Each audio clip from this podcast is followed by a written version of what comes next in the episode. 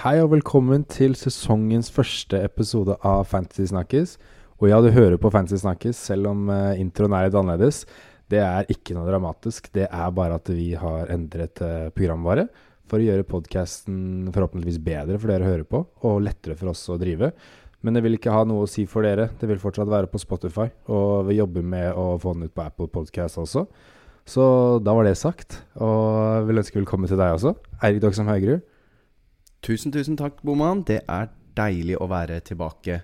Nå har det vært en eh, ja, lang sommer har det kanskje ikke vært. Den har Nei. gått ganske fort. En deilig sommer. deilig sommer. Mm. Eh, vi var jo, hva skal vi si, litt eh, I hvert fall jeg, litt mentalt slitne på å få en sånn knekk på slutten av forrige sesong. Ja. Så det har vært deilig med litt pause, men eh, nå skal det bli deilig å hoppe inn igjen. Jeg kjenner jo det går sånn hvert år. Litt lei på slutten, og så Mm.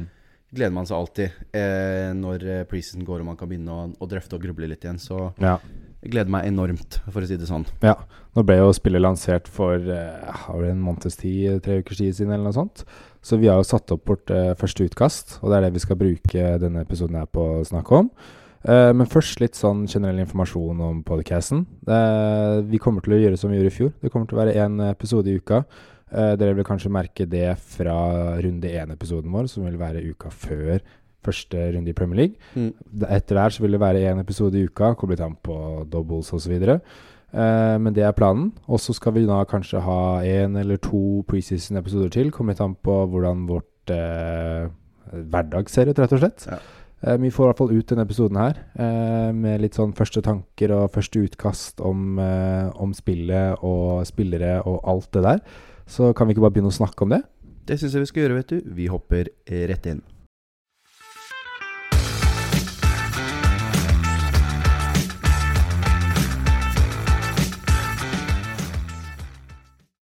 Så da begynner vi egentlig bare å snakke om, eh, om spillere og spillet, da. Mm. Og da tenker jeg vi kan begynne bakerst. Det er jo eh, aller best. Så keepere, hva syns du er eh, Hvem er de mest interessante du har eh, sett for deg?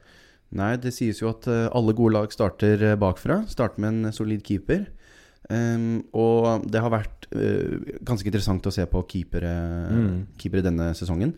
Det er jo uh, Virker i hvert fall som de fleste ikke har lyst til å bruke veldig mye penger på keepere. Nei, jeg har aldri nesten ikke sett noe, og ikke vært på skjæren, noen av de dyre, Ederson, Alison, Mm. sånn som det. Det virker som om her, at det handler om å finne best mulig verdi for minst mulig penger her. Jeg ser jo nå på det som jeg liker å kalle template-laget. Da er de spillerne som er mest eid, Mm. sånn som vi står nå.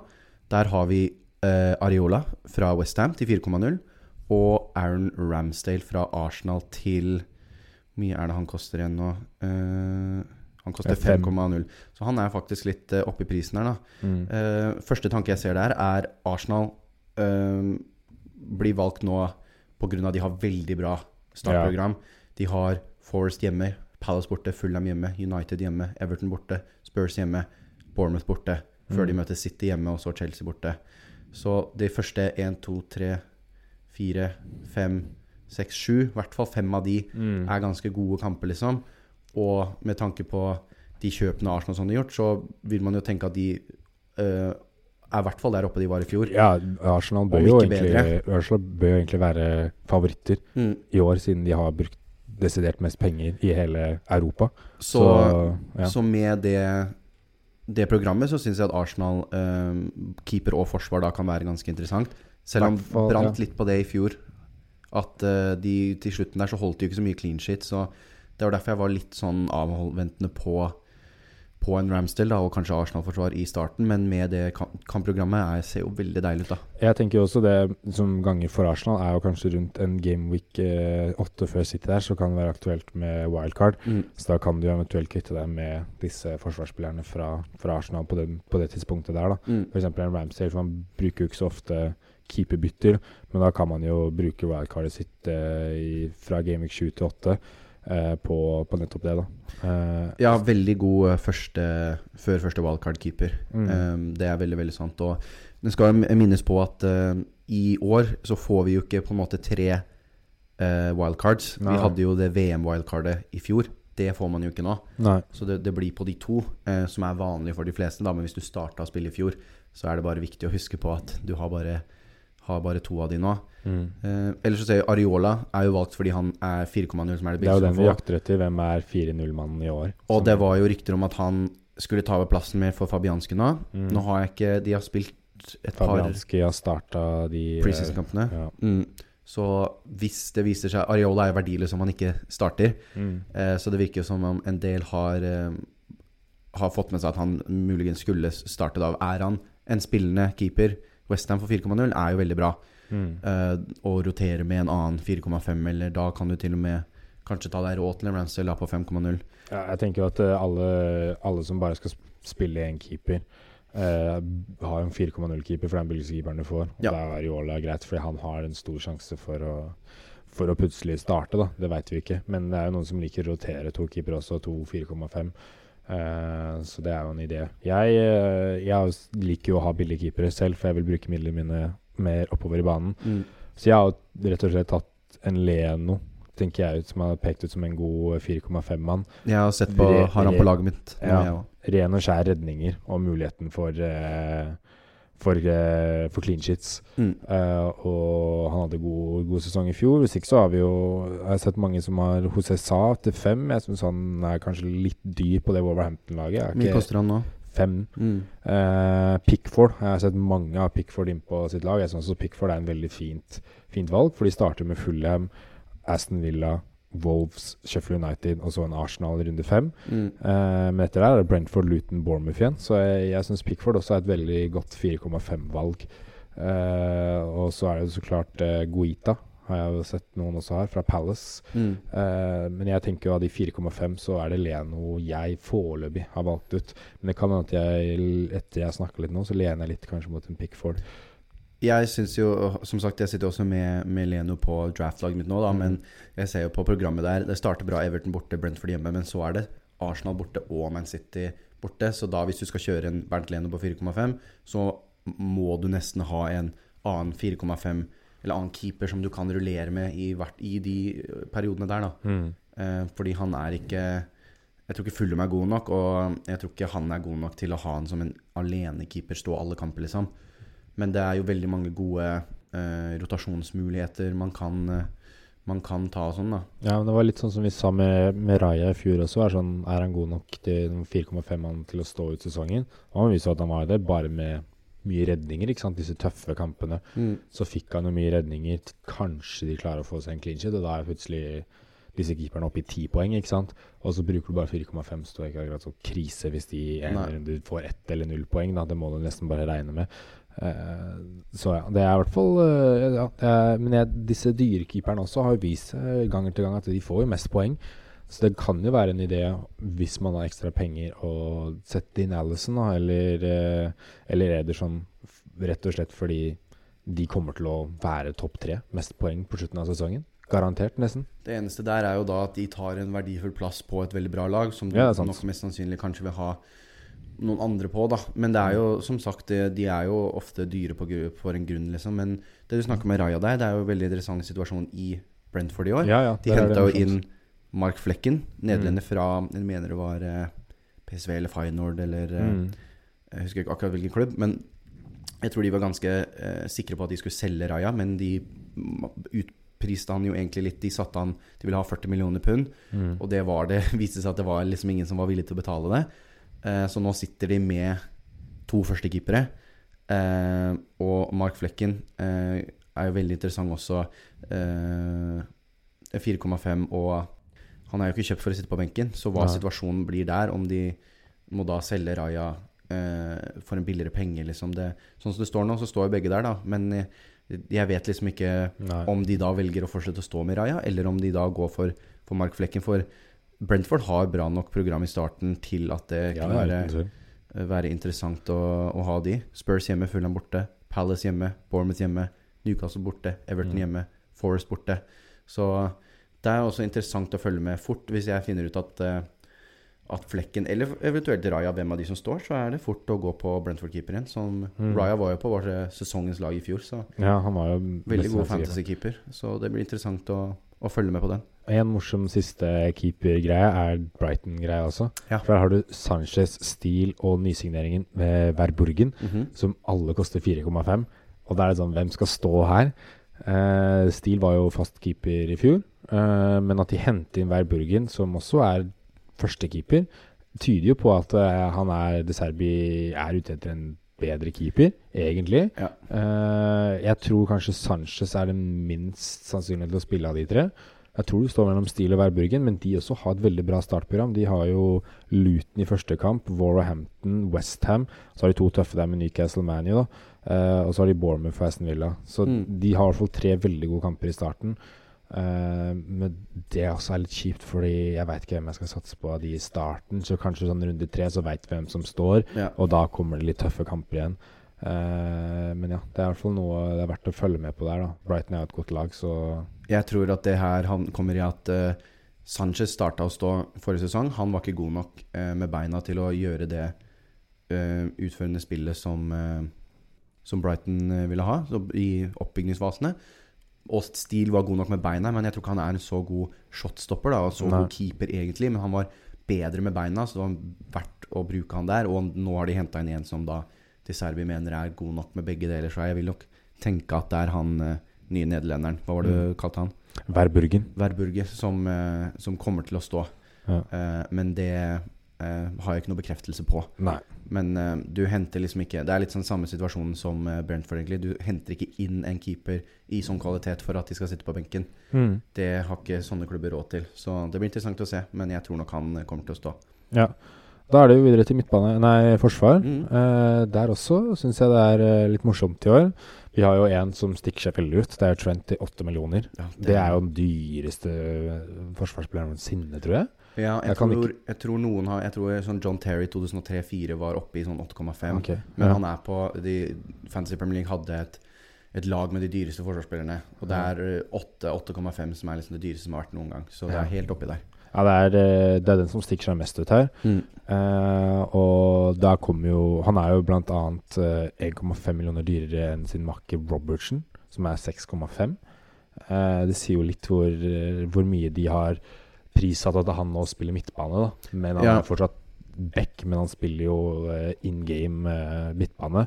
Uh, så de regner med at han kommer til å få mye Han har en større sjanse for å få assist og scoring, da, men han får disse clean sheet-poengene i tillegg, da. Det kan jo være veldig mm. uvurderlig. Mm. Og vi ser jo Derfor syns jeg det er egentlig ganske greit at Robertson er på den prisen han er. Mm. Fordi at når, sånn som Liverpool spiller nå, hvor de har en bakre firer hvor Trent Alexander Arnold inverter til å bli en ekstra midtbane, så må da Robertson går mer ned for å være en, en midtstopper nesten i en bakre treer. Mm. Så han kommer jo ikke til å være på så mange løp som en wingback lenger.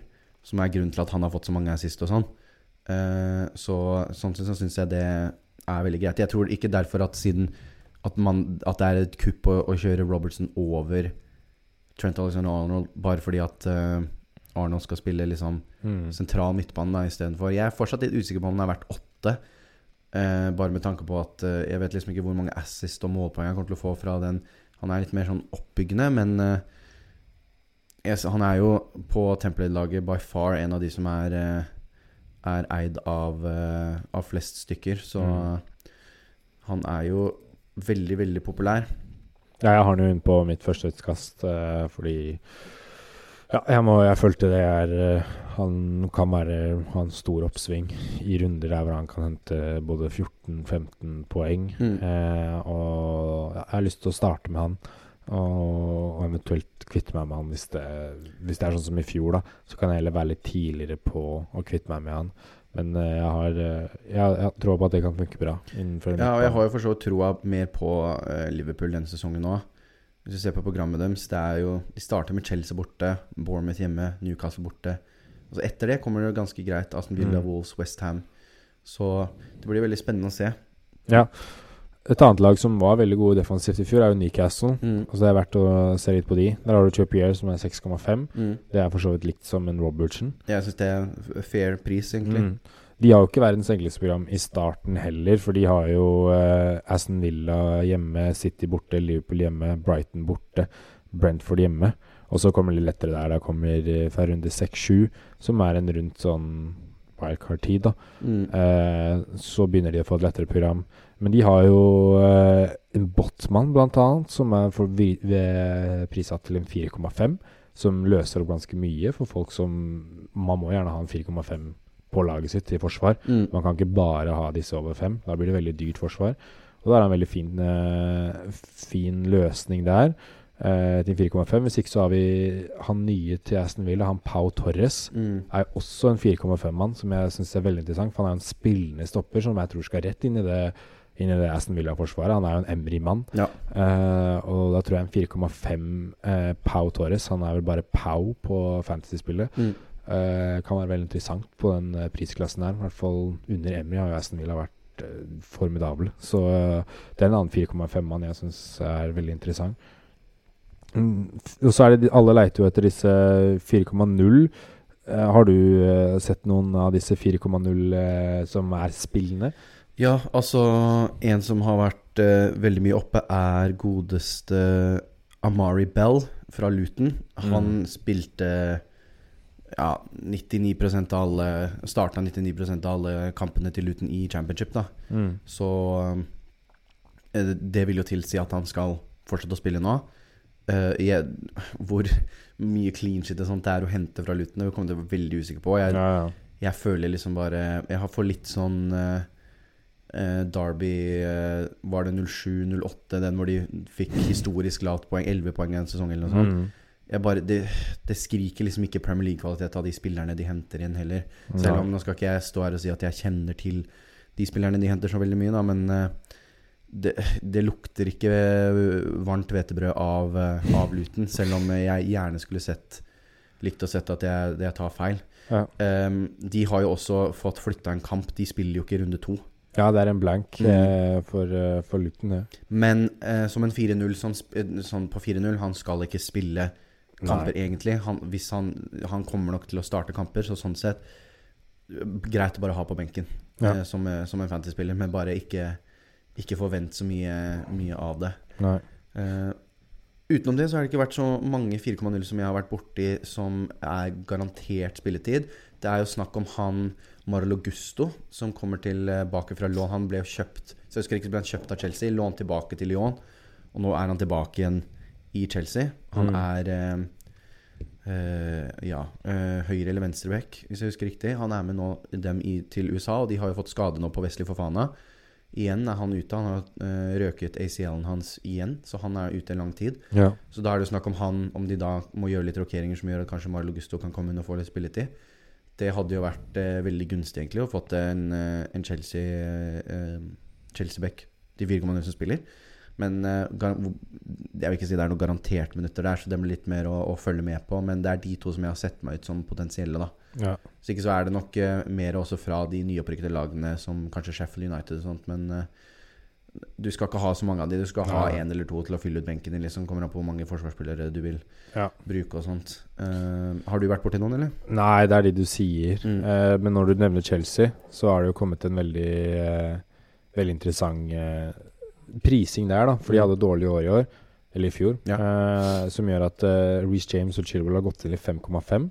Og det er veldig billig for to spillere som har veldig høyt tak. Ja. Riktignok Reece James er litt mer skadesatt. Han var nå skada sist i preseason også. Chilwell også er- har jo sin, en god del skader. Ja, nå skårte han faktisk i preseason-kampen sin, som Mm. jeg er litt sånn Jeg vipper mer mot Jeg har Reece James inne i mitt første kast nå, eh, men jeg vipper kanskje mer mot Chilwell akkurat i øyeblikket. Men jeg kommer til å eie en av dem i Game Week 1, det er jeg ganske sikker på. Det også, jeg har Selv om om de har Liverpool i første kamp, så blir det nok kanskje bare en benk på Ja. men etter det så tror jeg Chelsea har et veldig overkommelig eh, program. Ja, de har Westham borte, Luton hjemme, Forest hjemme, Bournemouth borte, Aston Villa hjemme, Fulham borte, Burnley borte. Ja, veldig fine kamper. og de kan jo bare De kan ikke bli noe dårligere og under Porcetino òg. Jeg tror virkelig at eh, de kan eh, komme seg litt opp igjen eh, denne Mm. sesongen, og da er det jo Vi vet jo hvor gode James og Chilwell kan være, i hvert fall på Fantasy. De er jo Uh, nesten sånn no-brainere når de er friske, da. Ja. Problemet er bare at det er de sjelden en hel sesong. Eh, så det er jo litt sånn gamble, men eh, hvis de kommer inn i god form, så har du dem sikkert til i hvert fall første eh, wildcard, da. Så kan du ta det derfra, liksom. Og for Chelsea også så har vi en Colwill som eh, ser ut til nå til å bli i Chelsea. Og da med den Fofana-skaden så Mm. går han fort inn i det forsvaret der. Og jeg har sett også fra Chelsea-kilder at uh, de er veldig fornøyd med han. Han jo, eh, var en av de beste spillerne i U21-EM. Ja, Fryktelig eh, god. Uh, ja, Og var veldig god for Brighton i fjor. Brighton ville veldig gjerne ha han, og så Liverpool snusa på han. Uh, men mest sannsynlig så kommer ikke Chelsea til å selge han nå, i hvert fall etter den for faen av skaden. Mm. og han spiller stopper inn der. Om de spiller en 3-5-2, eller om hva de spiller 3-4-3, eller 4-4 4-3-3, eh, så kan han være den tredje stopper eller en andre stopper ved siden av Thiago Silva. Nå har de jo ikke Cola Bali eller deg lenger. Nei. Eh, de så, har jo hatt virkelig sommerrengjøring ja, i Chelsea. Ja, de har virkelig hatt det. Eh, så en Louis Colver til 4,5 på et Chelsea-forsvar som kommer til å være et av de bedre lagene i Premier League i år, tror jeg, mm. kan være veldig fin 4,5-mann ja. istedenfor Botman eller Pau Torres eller hvis man ikke vil bruke pengene på Reece James eller Chilwell, så kan man godt ta inn en Louis Colwell istedenfor. Jeg tror at eh, Chelsea kommer til å bli veldig viktig. Det er mer bare å se hvem som faktisk skal spille. Mm. For de har jo, som sagt, pga. den dårlige sesongen i fjor, fått veldig gode prisinger. Mm. Det er masse verdi å hente der. Det er rett og slett bare vi må se hvem Det er ikke noe verdi de hvis de ikke spiller. Nei, nei, ikke. Så du må bare vente og se sånn Colwell til 4,5 hvis han spiller for Chelsea under Pochettino nå. Mm. Nei, det, det tror jeg kommer til å være en av kanskje årets sesongens lag med tanke på poeng og sånn. Så det er rett og slett bare å følge med og se. Ja. Uh, en jeg også vil snakke om, uh, uh, som jeg tror jeg kan få en veldig, veldig god sesong, er Pedro Porro på Tottenham. Ja, han er også, syns jeg, interessant. For i systemet til Arn, Hvis jeg skal prøve å si det riktig, Anje Koglu han Ja. nye treneren Oi, til Tottenham. Ja, ja, ja. Eh, jeg, så, litt analysevideoer av for å se hvordan han spiller litt mer samme type fotball som um, Arteta og Pep Guardiola. Mm. Liker eh, å inverte eh, backer og, og spille litt sånn eh, med indreløpere og, og, og wide wingers, liksom. Mm. eh, med box midfield. Men eh, han inverter nesten alltid venstrebekken, og så bruker han, nesten bruker han fortsatt som en høyre vingbekk. Han trekker inn på en måte høyrevingen, og så bruker han høyrebekken som en nesten høyreving, da, høyre vingbekk. Og det er jo den siden Pedro Porro er på. Han kunne jo, han kunne jo spilt høyreving. Han er såpass god. Mm. Så jeg tror at han kommer til å få veldig offensive arbeidsoppgaver denne sesongen. Eh, og tror han kan lett og slett bli spillende mer eller mindre i praksis en, en høyreving for Tottenham. Mm. Som nå har sett ut og, og eh, Av det jeg har hørt Jeg har ikke fått sett preseason-kampene deres, men av det jeg har hørt, så virker det veldig positivt, da med tanke på med spill og sånn. Ja. Eh, så han tror jeg kan bli veldig veldig interessant til en eh, Han koster vel 5,0. Ja, 5,0. Så eh, han vil jeg absolutt eh, eh, sette opp for. Eh, Tottenham også har greit program første fem kampene. Ja, de har veldig overkommelig program, og jeg så nå at han Religion til 4,5 Mm. starta den første preseason-kampen. Ja. Og Perisic er jo rynka tilbake til kroatisk fotball. Mm. Eh, han tror jeg ønsker seg tilbake, men så kom Perisic inn i den kampen og fikk to assists da uh, i den preseason-kampen for Tottenham. Så det er litt sånn Se an den Perisic-versjonen, for hvis Perisic stikker, så er jo en religion til 4,5 interessant Mm. inn eh, i det Tottenham-forsvaret. Men jeg ser den, for hvis, hvis da høyresiden blir mye brukt, så må jo da Perisic vil jo ikke spille venstre midtstopper, liksom. Det er jo ikke han, det han gjør. Så jeg skjønner eventuelt om han vil, vil gå husker han fikk to assist. Så du Ble han spilt som en forsvarsspiller, eller? Var Jeg, jeg så bare fra sånn refer, referat fra kampen. Ja. Så ikke noe, noe gameplay, da. Nei, for hvis han blir brukt mer som en offensivspiller, at han ikke spiller i den forsvarsrekka, så kan han jo være en interessant out of position. mm. Uh, hvis, hvis det skulle være det. Så det blir jo spennende å se med lag som, sånn som Chelsea og, og Tottenham og sånn, som har nye managere, som skal spille ganske radikal annerledes fotball enn det de har gjort før. da Mm. Eh, for der er det jo da, da kan det jo være spillere vi nesten ikke har tenkt på, som nesten ikke har sett noe til, som plutselig er inne i varmen. Mm. Eh, så det blir utrolig spennende. Men eh, Pedro Porro har jeg dessverre litt god tro på denne Ja. Den mest eide forsvarsspilleren er jo uh, Estupinan. Mm. Eh, han har jo fått en fin prising, altså til 5-0. Mm. Han var jo en veldig god spiller uh, i fjor. Det er 0,5 opp fra i fjor, er det ikke det? Ja, Mm. Uh, og Brighton har vi jo sett har et veldig bra kamper. De starter med Luton hjemme, så de har kanskje den beste kampen utenom Arsenal, da, som har Forest hjemme. Mm. Så liksom Brighton er et bra lag å satse på i starten, for de har jo tre veldig fine kamper. Og Estupinan har jo nå en eierandel på 51 Ja. og det er før Nå skal det mange andre millioner inn og sette opp laget sitt, da. Men likevel. eh, jeg tror han er på de flestes lag, og jeg føler du er du, er, du misser ut da hvis ikke du har han på laget ditt. Da kan den backfire veldig. Som vi snakket om, de effektiv eierandel og alt Mm. det der, så vil jo å ikke ha en Estepinan fra starten av hjemme mot Luton, det tror jeg kan backfire. Og det programmet de har, og han som spiller, som vi vet, jeg syns Mm. det er liksom ikke noe risk å, å ha han du, du vil ha han, liksom. jeg føler han er bevær på de fleste lag. Mm. Eh, siste eh, Der kan vi kanskje ta de to lagene sammen. Da. Det er ManU og Arsenal. Mm. Vi har allerede snakket litt om Arsenal Eller vi har snakket om Arsenal defensivt, men uh, jeg skjønte at Gabriel er jo interessant. Ja. Shinchenko samme pris, 5-0. Det er som vi sa tidligere, at uh, dette er jo et lag som har fint kampprogram i starten. Og man kan bytte det ut på et wildcard eh, ved runde 8-7 Mm. når de får tøffe program hvis, hvis ting ikke går som vi tror, da. Eh, og så har du en White til 5,5. Syns det kanskje var litt dyrt. Når jeg synes Eller Shinchenko til 5,0 er mer interessant. Ja, det var alle Arsenal-forsvarerne mer eller mindre som kunne tenkt seg å starte, var Mm. på 5,0. Og så var det han som egentlig var billigst i fjor, Ja. som uh, gikk opp. Han fikk jo litt målpoeng og på slutten, og det som ødela Det var det som gjorde at han vippa opp. for den, for den prisen. da Så ja, det, jeg syns at Jeg vet ikke om han er Han er ikke god nok eller målfarlig nok til å, å være verdt 0,5 mer enn alle de andre, syns jeg. Nei. Jeg syns nesten Gabriel har høyere XG og Og er mer målfarlig, egentlig, på, på dødballer. Mm. Det er også Julian Timber inne. Ja, han skal inn og spille der òg. Mm, han kan, blir nok fort en eh, En av det høyre bekk som inverter inn da, i en bakre Mm. treer. Når Chinchenko går inn i midtbanen. Det kommer litt an på hvordan de skal spille eh, Spille, egentlig. Men det virker jo som det kanskje Ja, for da blir jo fort eh, Hvis Timber skal spille, så må jo White bli benka. Ja. Eller skal de benke Gabriel eller Saliba? Det er litt sånn der, Da ryker jo fort White på benken. Det kan fort bli, hvis alle holder seg skadefrie, så Mm. blir det fort litt rullering i Arsenal, kan jeg tenke. Og i Mm. hvert fall i starten, hvis de prøver å finne ut hva som, hva som funker best. De, vi har jo litt mer bredde nå. Som, det var jo det som felte oss i fjor. Mm. Så det er jo sånn sett greit å se Veldig bra å se at vi har fått mer bredde nå, men da betyr det at alle kan ikke spille samtidig. Mm. Så da kan det bli litt mer eh, rotasjon akin eh, sånn City holder på, da.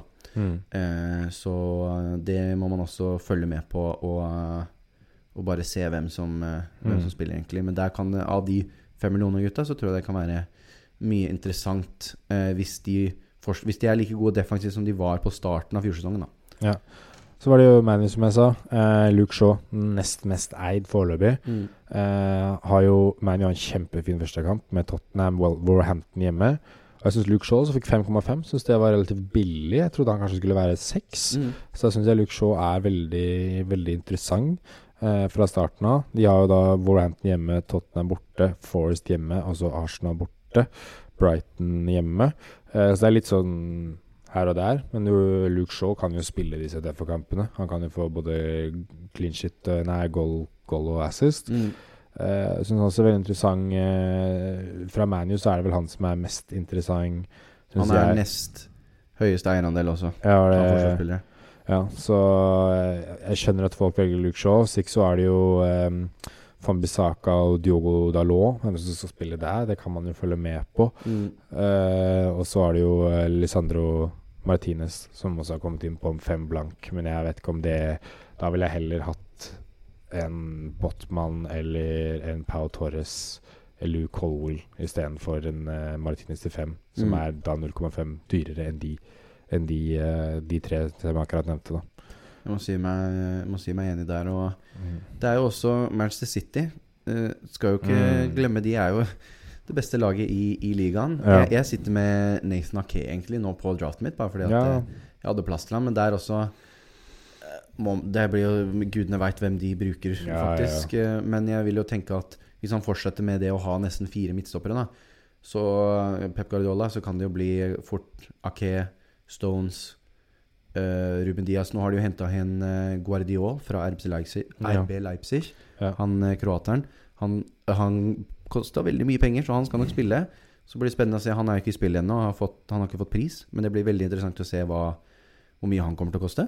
Ja, for nå, nå får du ikke Kyle Walker heller, så det ser ut som det blir en stopperfirer, men at Mm. Stones går inn i den midtbaneleddet. Ja, og det er derfor han vil ha fire stoppere, fordi Stones går inn som en Mm. eh, midtbanespiller, og da blir du sittende igjen med tre forsvarere, og da vil han ha tre sterke, kjappe midtstoppere da, som kan være litt fysiske. Det blir jo litt sånn som Arsenal kommer til å ha det òg nå, med å få med Timber inn der. Så Mm. Det, blir, det kan bli spennende eh, hvis man er keen på å ha en, en defensiv City. De er jo gode defensivt, for å si det sånn. Ja, I hvert fall nå som i starten, når ikke Champions League er der i starten, så vil jo de mest sannsynlig spille et liksom, samme elver uke inn uke ut. I hvert fall fram til eh, Champions League starter i september. Og de har ganske bra program også.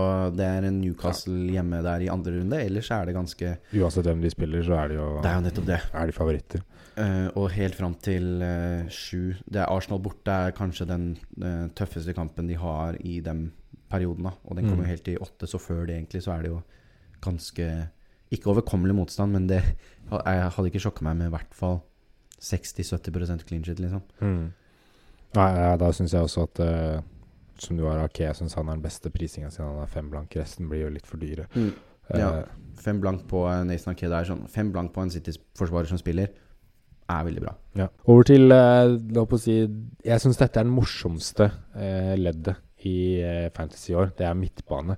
For her er det utrolig mye interessante spillere. Og, og fascinerende prisinger og posisjonsendringer som gjør at noen spiller midtbane når de er spisser, og dette syns jeg er veldig interessant. Doxheim, hvem syns du er mest interessant når du åpnet spillet for første gang og du så på midtbane? Hvem var det som stakk seg ut for deg?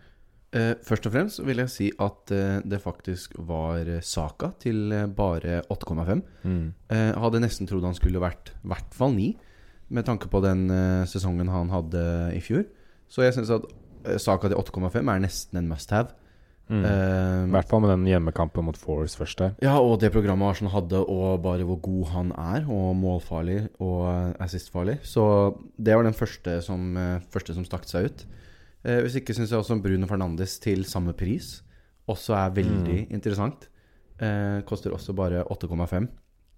Hvis ikke så ser vi jo på de på Template-laget, de som er mest eid. Det er Saka, som vi nevnte. Rashford, Mitoma, Sala og interessant nok Mbuemo Mm. fra Brentford, eh, som for veldig mange nå kommer inn som en eh, Ikke direkte Tony-erstatter, fordi han spiller jo Tony var jo angrepsspiller i spillet. Mm. Men eh, han uh, Mbuemo har jo spilt spiss eh, ved siden av Tony, og det er jo nå da tenkt eh, Mener folk at han da skal ta over den plassen, selv om jeg må si at jeg er litt uenig i det. Han spiller Han har spilt spiss med Tony når de har spilt en 3-5-2 mot litt bedre motstand. Mm. Eh, men utenom det så spiller han mer wing.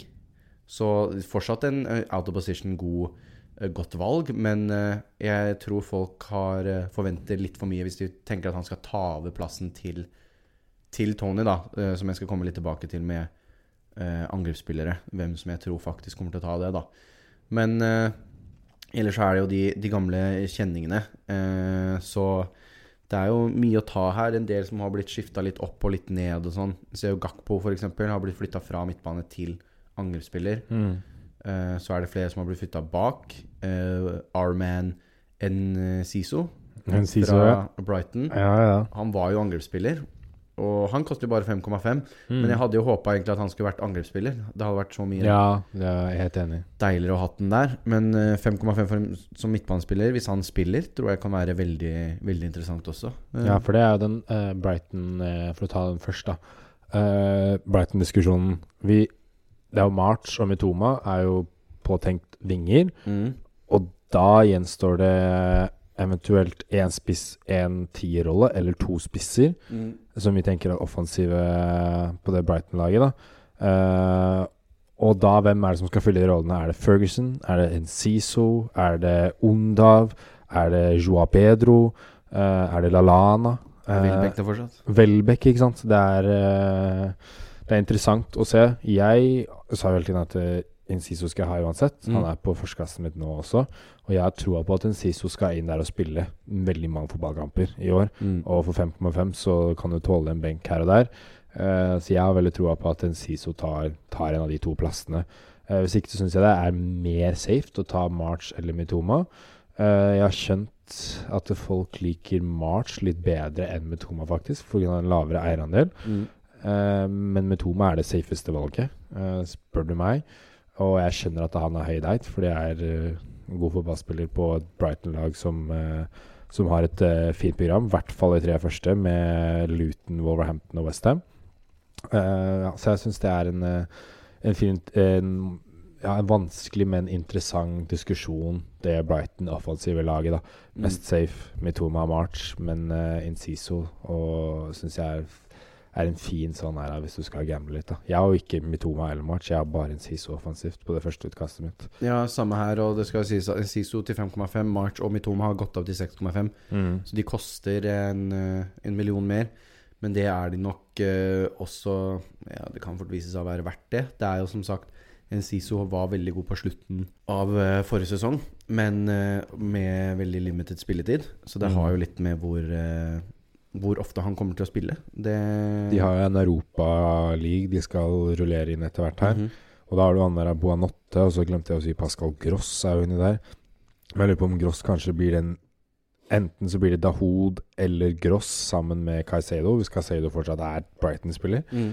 Eh, men det som er fordelen med en Gross, er at han kan spille høyreback, tierrolle, sittende rolle, så han kommer til å spille en Sikra minutter, for å si det Ja, sånn. uansett. Men han så er jo 6,5, da. Mm. Eh, hadde vært litt bedre hvis han var 6 eller 5,5, så tror jeg Gross kunne vært veldig interessant. Ja. Uh, ja, det er uh, James Miller er inne der også, glemte. Eh, det er i hvert fall veldig interessant med Brighton. Mm. Uh, og så Du nevnte jo disse Brentford-spillerne. Og da synes jeg En som blir litt glemt, som egentlig er henta inn som en backup for Tony, det er Kevin Skade, eller Skate, mm -hmm. eller hvordan man sier det. Han er 5,5, er nå bare eid av 0,2% Og jeg har sett det er veldig mange som faktisk eh, Eller ikke veldig mange, for det er 0,2 da men jeg har sett folk vouche for han, Mm. og har han inn i laget sitt istedenfor en Mbembo. Én million billigere. Ja, som jeg sa, han er, skal egentlig være den direkte erstatteren til, eh, til Tony, og han er satt som midtbane. Mm. Så dette er jo en spiller ute av posisjon som koster like mye som Enciso og en million billigere enn en Mbuemo. Uh, altså jeg Siste dagen så jeg tenkte skal jeg bare ha Skade istedenfor Mbuemo. Men da føler jeg at jeg sitter her med en Siso og Skade som begge er to litt sånn der De Det er ikke helt sikra, men vi veit jo mer om dette før runde én, da. Det Mm. er bare litt sånn initial tanker at uh, Skade fra Brighton Nei, Brentford, han er eh, han- kan være veldig, veldig mye verdi i. Ja, og de jeg har sett som har um, voucher for han, er jo Brentford-fans, som sier Mm. at ha, det er han som er henta inn som en erstatter. Så det blir veldig interessant å se, som sagt, hvis han spiller Hvis han tar over rollen til Tony til 5,5 som midtbanespiller, Mm. så skal vi fort se mye verdi komme ut av den gutten. Ja, og så videre til disse kanonene, da. Mm. Eh, med, som du sa, Bruno Saka. To veldig gode valg til 8,5. Jeg sitter med begge på førsteutkastet mitt. Mm. Eh, jeg syns Bruno har jo hatt så bra underliggende tall. Lite eh, sånn eh, end product, da. Den siste forrige sesongen. Man hadde fantastisk underliggende tall. Sa tidligere i programmet at til ManU er bra. Han skal inn og være mest sannsynlig kaptein nå, siden Maguire er ferdig som kaptein. Mm. Eh, så jeg har veldig troa på Bruno Fernandes og tror han kan hente mye, men jeg vet ikke, det sitter ikke, sitter ikke sånn at jeg absolutt må ha han, men eh, jeg syns han kom inn på en veldig fin prising sammen med Saka. Uh, Rashford syns jeg kanskje var litt dyr. Ni Ja, millioner. Eh, men det er jo kanskje fair at han er ni blank, med tanke på det året han hadde i fjor, men jeg syns det var litt mye. Jeg syns Bruno da til 8,5 virker mye mer interessant enn en Rashford. Ja, ja. Og så er det jo Mohammed Salah som kommer inn på, eh, på 12 millioner, 12,5 millioner her. Mm. Skal man ha han, eller skal man ikke ha han? Det er jo det store spørsmålet. For nå har vi jo en eh, spiss der oppe som koster 14 millioner. Mm. Eh, og så skal du da sitte med en Haaland Nei, en Salah til 12,5 og en Trent til 8. Eh, og Saka til 8,5. Det blir plutselig veldig dyrt lag, det her, så det er vanskelig å få inn alle. Eh, det jeg syns ganger for Salah nå, er jo at eh, han er ikke like populær, som gjør at han blir litt sånn diff enn han har vært tidligere. Han har vært veldig populær. Og så tror jeg han har et bedre lag rundt seg Mm. enn det han hadde i fjor, med tanke på at nå har Darwin ett år i Liverpool. Gakpo er et halvt år i Liverpool. Eh, Yota kan være skadefri. Eh, han har McAllister og Shoboslai bak der, som er litt mer framoverretta spillere enn de som har vært der tidligere. Mm. Eh, og i tillegg så har han Luis Diaz, som forhåpentligvis er frisk hele sesongen. da I fjor så måtte han dra mye av lasset når alle var skada. Ja. Så det kan gjøre at han uh, Han hadde jo en assist i går, tror jeg, til Darwin, hvis ikke den Gikk i forsvarsspilleren til den Jo, den var litt klumsete, men jeg tror Ja. han, var, han var vel nest siste Liverpool-spilleren. Ja. si sånn. Eh, så ja, Mohammed Salah eh, jeg, jeg føler han er litt 50-50 for meg. Jeg har han inne nå med Haaland. Mm. Det er jo mye snakk om nå om det er en eh, en premium-meta, da. At eh, det er eh, kanskje best å kjøre bare én premiumspiller Mm. av de Haaland, Salah, De Bruyne, eh, type liksom Kane. Eh, men eh, du kan få ganske greit sånn Jeg har klart å fått inn nå Saka, Bruno, Haaland og Salah inn i samme Mm. lag, liksom. Et lag som jeg er fornøyd med, men eh, det kan fort ses at ikke alle de er på laget mitt når vi, når vi starter. Da. Det er som sagt mye midler, og Haaland til 14,0 eh, binder jo opp en del midler. Mm. Så Nei, det er en eh, interessant debatt. Det hadde så klart eh, Jeg tror også Salah kommer til å komme litt mer ut av startblokkene mye bedre enn det han gjorde forrige sesong. Da. Mm. Men det er rett og slett om det, om det kommer til å være plass til han til den, til den prisen, blir eh, interessant å se. Da syns jeg heller sånn Louis Diaz, som jeg har til 7,5, er en veldig fin prising han kommer til å spille. Han kommer til å spille, han kommer til å ta den venstre vingen, det er jeg ganske sikker på. Spille de aller fleste kampene. Eh, så Louis Diaz er 7,5 eh, Det blir jo 4 millioner, eh, 5 millioner billigere enn en Sala. Ja. Eh, hvis du får henta mye midler på han Louis Diaz istedenfor en Sala, som jeg tror er god for å få ganske mye poeng i år. Ja, nå skal Eh. jeg ikke si at Sala begynner å bli eldgammel heller, men han Nei. kan ikke bære like rask som han har vært hele tiden. Mm. Så det er ikke sikkert han kommer til å droppe sånn helt av den sesongen, men eh, han blir jo ikke noe yngre, han heller. Nei, uh, da syns jeg den, uh, den prisingen på Louis Diaz er veldig interessant. Uh, og så er det jo disse Disse nysignerende som har kommet inn der. Mm. En Kai Havertz i, i godeste Arsenal. Mm. Hva syns du om det? Nei, den tror jeg kan bli veldig interessant. Jeg har han inne på laget mitt nå, men det er Mm. mest fordi at det var, jeg var veldig hype på han, og, og liksom han Det passa å få han inn der, så jeg, jeg satte han inn. Eh, en av de som kanskje er minst sannsynlig er der når vi starter. Men eh, jeg tror Jeg har veldig troa på han, men det tror jeg mest fordi han får jo veldig mye sånn eh, hate på Twitter nå. Det er veldig mange folk som vil at han skal gjøre det dårlig. Mm. Så jeg har veldig lyst til at han skal gjøre det bra. Han skårte nå, fikk sitt første mål faktisk for Arsenal. Så skal sies at han fikk mål for Arsenal før. Mudrik har fått mål for, for Chelsea. Mm. Så vidt han ikke skårte i den eh, treningskampen mot Rexham. Det Ja, han gjør gjorde ikke det. Nei, da fikk han mål før. Um, hvis han uh, Jeg tror han, kom, han skal spille den venstre indreløperrollen. Uh, jeg tror de kommer til å spille med Rice som alene liggende, og så Ødegaard og Havertz i en, slags 4-4-3. da Uh, Sånn at han spiller i den offensive rollen Sjaka hadde i fjor. Mm. Uh, og jeg tror han kan gjøre det veldig veldig bra der. Nå er det også snakk om at uh, Trossard muligens skal spille i den rollen. da Så det blir interessant å se hvordan det blir rullert og sånn. Arsenal også skal jo i Champions League nå, og jeg vet at de har lyst til å, å gjøre det bra der. Så eh, hvis han spiller i Premier League, da, så- og Trossard i, kanskje i Champions League, så kunne det vært interessant å, å hatt han. Men eh, når du kan gå opp 0,5 og gå til Martinelli, så føler jeg nesten at det er mer verdi å hente der. Mm. Eh, Martinelli til 8,0 er jo også nesten en, en ganske syk eh, underprisning, med tanke på hvor god han var, og det programmet de har nå. Ja. Så jeg ville nok anbefalt kanskje Martinelli over, selv om jeg sitter med Havertz sjøl. Men jeg vil bare ha han inn der for å si at uh, ikke, ikke undervurder han. Jeg tror han kommer til å virkelig eh, blomstre under uh, Arteta og Arsenal-systemet. ja, og så har du jo James Madison i Tottenham, som har kommet inn 7,5. Mm. Og og eh, Szoboszlai til 7 eh, fra, til Liverpool. Også nevne Mason Mount, også sju. Ja, Mason Mount ja, for, eh, for United. Mount også kan være interessant, og Madison eh, Jeg tror det kommer litt an på hvis Kane er der. Hvis Kane er der, så har jeg mer troa på Madison. Hvis Kane er borte, så tror jeg det kan bli tøft for Mm. Madison eh, og, og Tottenham. Eh, men da er kanskje en sånn mer interessant, tror jeg. Hvis, eh, hvis Kane er borte, så tror jeg sånn kan eh, virkelig få en fin eh, til ni millioner. da Like mye som Rashford. Jeg tror sånn virkelig kan ha en, eh, en veldig god sesong eh, denne kommende sesongen. da Jeg tror Mm. den fotballen som de kommer til å spille nå, kommer til å passe han mye, mye bedre. Ikke så pragmatisk, mye mer offensivt. Og det tror jeg passer mye, mye bedre for han. Mm. Så til den eh, 9,0 tror jeg han også kan være en, en veldig steel da. Så den kan eh, også bli veldig interessant å se. Men det er mye henger jo litt på om hva som skjer med Kane. da Fordi uansett om, uh, hva som skjer. Det han kom, hvis han går, så er det jo en som skal inn der.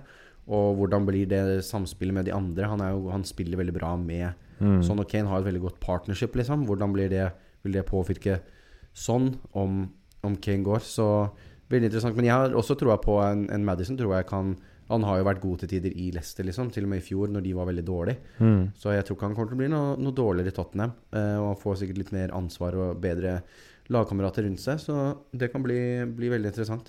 Ja. Jeg synes midtbanen jeg vil benevne, er eh, level 2, da, men eh, først er Morgan Goose White fra Mm. Forest. Uh, Riktignok uh, Arsenal i første kamp. Eh, de klarte jo å slå Arsenal sist de spilte mot dem. Eh, så, og han hadde et meget godt U21-EM. Ja, en av regjeringens beste. ja, og en meget god uh, God vår i Forest, og kommer inn bare på seks, og- seks blank. De har jo da Arsenal, så har de Sheffield United hjemme, og så har de ManU Chelsea de to neste. Men det er jo Og så har de da en Burnley. Så de har ikke verdens letteste program, men Gibbs White er en fin 6-0 hvis du skal ha noen inn der og løse opp litt penger, da. Så tror jeg man kan gamble på en Gibbs White som er veldig fin. Og så tror jeg i tillegg at en Raheem Sterling fra Chelsea kan ha få en helt ny, ny sesong Mm. eh, for, eh, for Porticino. Mente han skårte nå i, mot Rexham, hvis ikke så var det assist. Mm. Eh, og Raheem Sterling eh, fra Chelsea. Eh, jeg tror han kan være fin, en fin gamble. da Hva er han prisa på nå, Ja? Syv blank, så det er billig for en Raheem Sterling som tidligere har bøtta inn poeng i løpet av en sesong. Så han har det inni seg, men det er kanskje en annen Chelsea-mann som er mer interessant, som er spiss. Eh, så med mindre du har noen flere midtbaner du vil nevne, så, så kan vi snakke om spisser. Er det noen uh, midtbaner til? Nei, jeg ville bare snakke For det første så ville jeg, jeg ville tenkt eh, på Morgan Gibbs White mer som en etter et wildcard, for de har såpass vanskelig program. Ja, ja. Hvis du har råd til å ha han på benken og, og kunne spille han i de, i de kampene hvor, uh, hvor de har litt bra program, så greit nok. Men jeg føler at i den prisen så kan du finne spillere som har bedre program, og som du kan spille litt mer oftere, da. Men også syns jeg Saboslai syns jeg er veldig, veldig spennende på Liverpool. Eh, han kan fort hende havner i laget mitt også. Jeg tror han kan eh, eh, virkelig få opp tempoet der litt. Og han Mm. har et veldig godt skudd, så jeg tror det kan være noen ganske At han kan få store målsjanser få fra Mm. avstand også utafor boks. Uh, og Mason Mount også kan bli interessant, men uh, der uh, er det Bruno som er mer interessant først. Så nei, jeg syns vi kan hoppe rett inn i angrepsspillerne.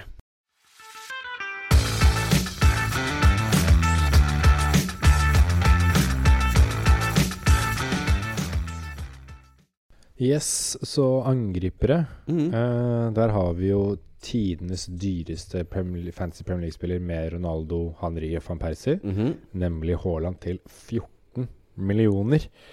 Det er vel en ganske fair prising, egentlig, så det blir litt mer debatt om man skal ha han eller ikke. Hadde den vært liksom 13, så hadde alle hatt han uansett hva. Ja. Jeg tror de fleste kommer til å ha han nå uansett hva. Men det er i hvert fall litt mer debatt, da, nå som han er 14 millioner. Eh, du har vel han inne på ditt utkast? Det har jeg, vet du. Han, til og med til 14 millioner så står han på en 85,8 eierandel. Ja. Eh, sånn som det står nå. Så Han, han blir værende på de aller fleste lag og kommer til å være på mitt lag også. jeg tror nesten eh, jeg hadde valgt om han kosta 20, liksom.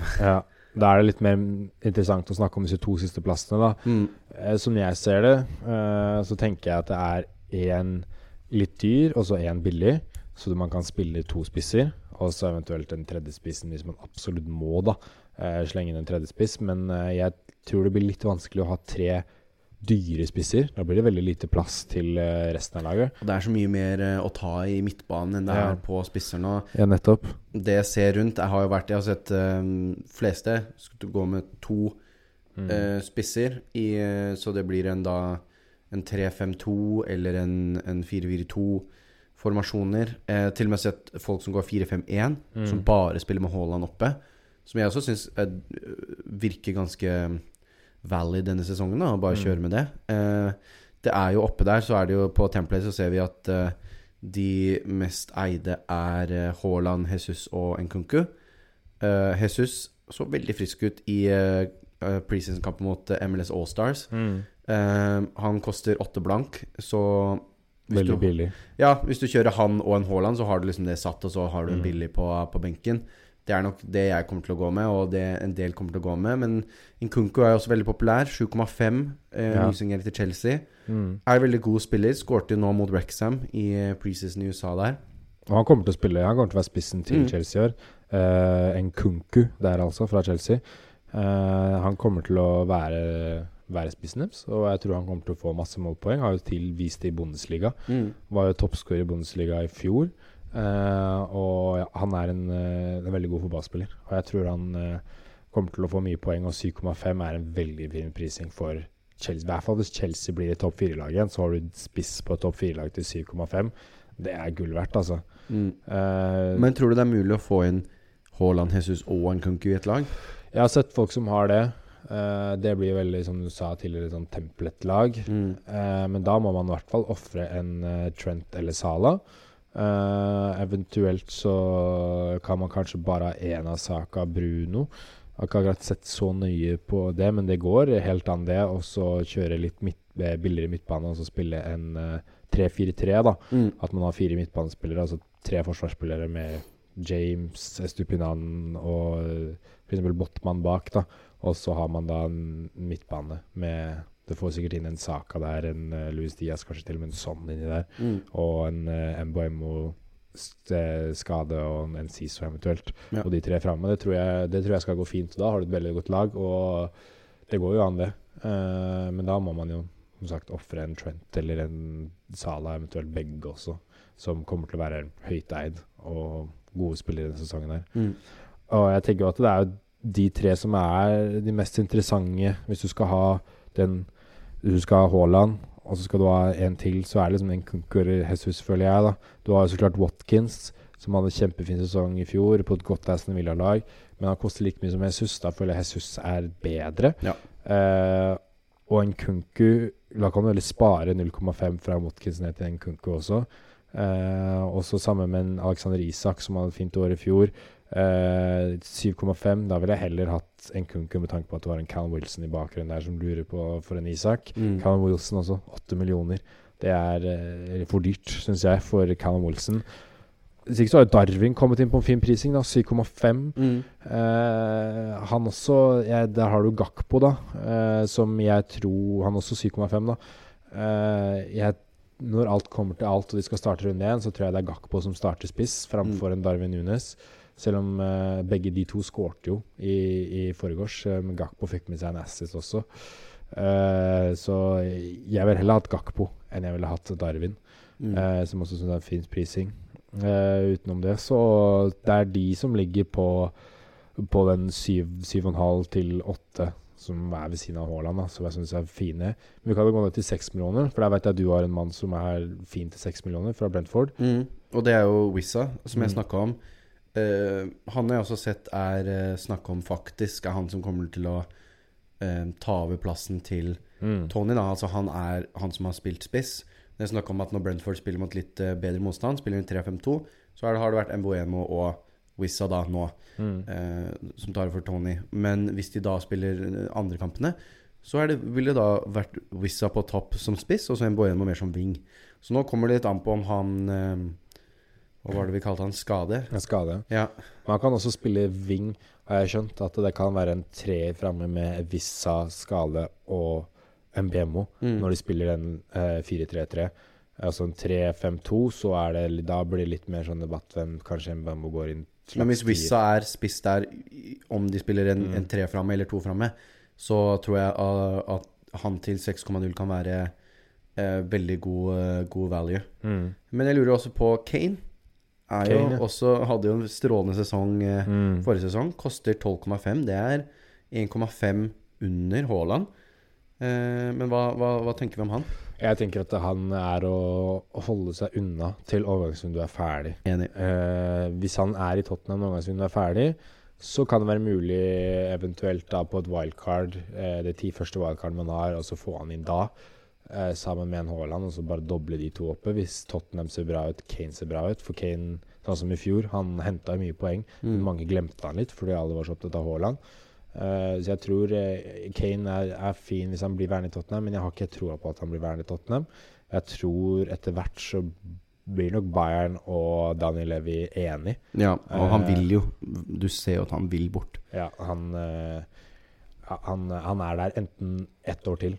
Eh, nå eller ett år til. Er Ja. som sånn, Skal Tottenham Lang gå gratis, eller skal de eh, selge han nå? Det føler jeg er eh, Det føler jeg er eh, jeg håper å si valgene til Daniel Levi. Ja, altså Jeg er ganske sikker på at han ikke signerer en, en ny kontrakt. Og hvis du starter med en Haaland, da Mm. og si at han skulle hatt det starte kjempedårlig, og Kane gjør det veldig bra, så er det mye lettere å gå fra Haaland ned til en Kane. Mm. Direkte bytte. Hvis du starter med Kane og ikke Haaland, så må du jo hente inn litt ekstra penger, med mindre du vil bare sitte med de ekstra pengene i banken, da, som er litt Mm. dumt.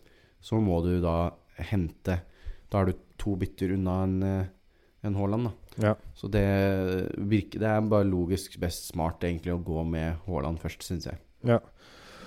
Jeg er helt enig. Det er, eh, ja, det er vanskelig med, med Kane. Best å holde seg unna. Og så tenker jeg vi skal ha en eh, tredje spiss også, som er litt billig for mange av oss, da, som ikke skal kjøre tre gode spisser. Jeg har sett med Lajo Adebayo fra Luton. Mm. Eh, fra Luton har de også en Mac10 til 4,5. Eh, og så er det disse Archer fra Burnley til 4,5. Eh, det er, kommer til å være på mange sine lag, men jeg syns det er en spiller til fem blank som koster like mye som Adebayo fra Luton. Han Venicius fra, fra Fulham Mm. Viste seg veldig god når eh, Mitrovic eh, var suspendert eh, forrige sesong. Og Mitrovic har jo aldri lyst til å spille for Fulham igjen, sier han. Nei, han eh, er veldig sur på Fulham fordi de, han mener at de har prisa han ut av en overgang til Saudi-Arabia. De skulle vel ha 52 millioner pund eller noe sånt for han. Så han er veldig, veldig Ifølge rapporten er han veldig sint på det og skal ha sagt at han aldri vil spille for Fulham igjen. Så hvis han ikke spiller, så er det noen andre som må spille der oppe. Og da er jo plassen plutselig ledig for uh, Venitius, som du sa koster eh, fem blank. Mm. Skal også nevnes i, eh, i Luton så har du jo også han eh, Morris, som var Mm. stjernespilleren deres i Championship. Men han koster 5,5, så det er kanskje litt dyrt for en, eh, eh, en spiller som bare skal sitte på benken mesteparten av tiden. Mm. Eh, men jeg vil også gi en shout til eh, Dominic Calvert-Lewin, som Ja, koster bare 6,0. Har gått ned for to millioner fra i fjor, eller noe sånt. Mm. Everton har ganske greit program første fire. Fulham hjemme, Aston Villa borte, Wolves hjemme, Sheffield United borte. Hvis mm. de finner litt formen igjen, da Nå er det jo siste sesongen deres, mener jeg, før eh, Før den stadion deres er ferdig. Mm. Så det er veldig viktig for dem å, å holde seg i Premier League denne sesongen, sånn at de har Premier League-pengene til Mm. eh, en Premier League-sesong og, og få inn folk på den stadion på og sånn, da. Med tanke på den økonomien. Så jeg tror de kommer til å stå med Sean Dyche og, og virkelig kjøre på.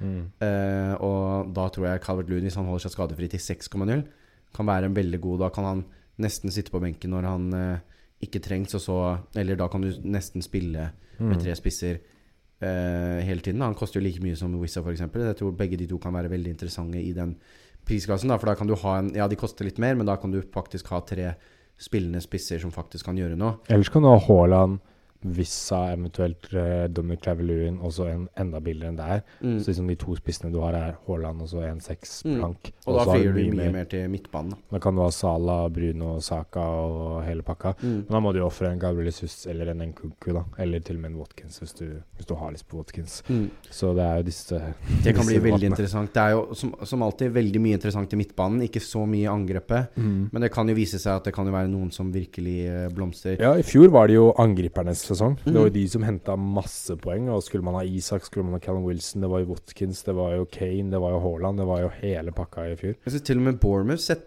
setter sammen nå et veldig interessant lag. Har fått en veldig interessant trener. Mm. Så kan, tenk hvis uh, Solanke da til 6,5 plutselig får en, en, eh, en strålende sesong, liksom.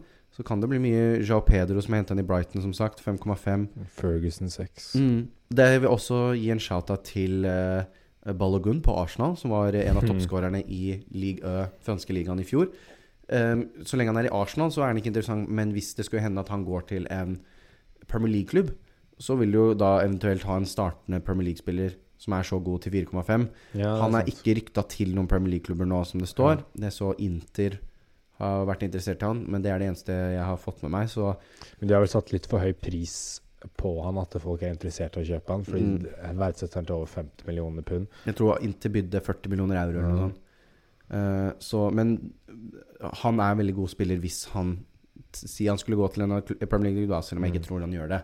Så vil jeg bare nevne det. Mm. Uh, så blir det veldig interessant å se. Det er jo jeg er veldig spent på hvordan Burnley kommer til å gjøre det. Altså De var jo Mm. De cruisa jo gjennom championship, men vi har jo sett Beklager, vi har jo sett det før. Lag som cruiser gjennom championship, og som blir knust i Premier League når de spiller sånn fotball. Som eh, Vincent Company Ja, ja. spiller med dem nå, da. Så det blir jo veldig, veldig spennende med veldig ungt lag. Og det er annerledes å spille possession eh, og fin fotball i championship enn i Premier League. Altså. Så der kan det bli eh, veldig bra, men det kan også bli veldig dårlig, tror jeg. Ja. Det blir veldig spennende å se. De var jo ute nå, så jeg. De har jo bydd eh, jeg tror det var rundt 20 millioner pund på han Trafford. Han Ja, han skal visstnok være mer eller mindre klar for Mm. det nå. Uh, U21-keeperen til eh, England, uh, Mm. som var med og vant eh, EM der, som var veldig god. Han slapp ikke inn noe mål. Eh, så eventuelt kanskje det kan bli en hvis han skal starte å stå for Burnley, og de viser seg å være greie. Kanskje det blir en 4,0 spillende keeper som kan være grei å få. Jeg tror ikke Ja. han er i spillet ennå. Nei, jeg prøvde, å, jeg prøvde å søke han inn nå, men eh, han, er ikke, han er ikke på spill ennå. Men da kommer han kanskje inn til 4,5 hvis han går til Burnley, tror jeg. Mm. Så det blir veldig interessant å se. Sånn, det har jo litt med hvor midlene skal spres. Kommer jo litt an på om du vil spille en, en 4-5-1, hvor mange angrepsspillere. Hvis du skal ha én angrepsspiller, så trenger du jo Da kan du bare ha Haaland og en Vissa og en billig en, liksom. Eh, men hvis du vil kjøre på Haaland og en Jesus, så må du ha litt mindre i midtbanen. Så det blir jo veldig interessant å se hvor poengene kommer til å komme fra, hva det blir. Men det er jo nå det er spennende. Nå kan man sette på og ta så mange bytter man vil, og virkelig sette Mm. seg inn i det og, og drømme seg bort. da. Mm. Det er jo det som er, eh, det som er moro. Jeg vet jo at eh, laget mitt kommer til å ha kanskje fem-seks forskjellige versjoner da før vi, før vi faktisk står der. Ja, det blir spennende. Det kommer til nok være mye forandringer før vi kommer til uh, Game Week 1-episoden vår. Og til og med etter vi har spilt inn den Game Week 1-episoden, så eh, tror jeg det kommer til å være ganske an litt annerledes lag fra den Game Week 1-episoden til deadline.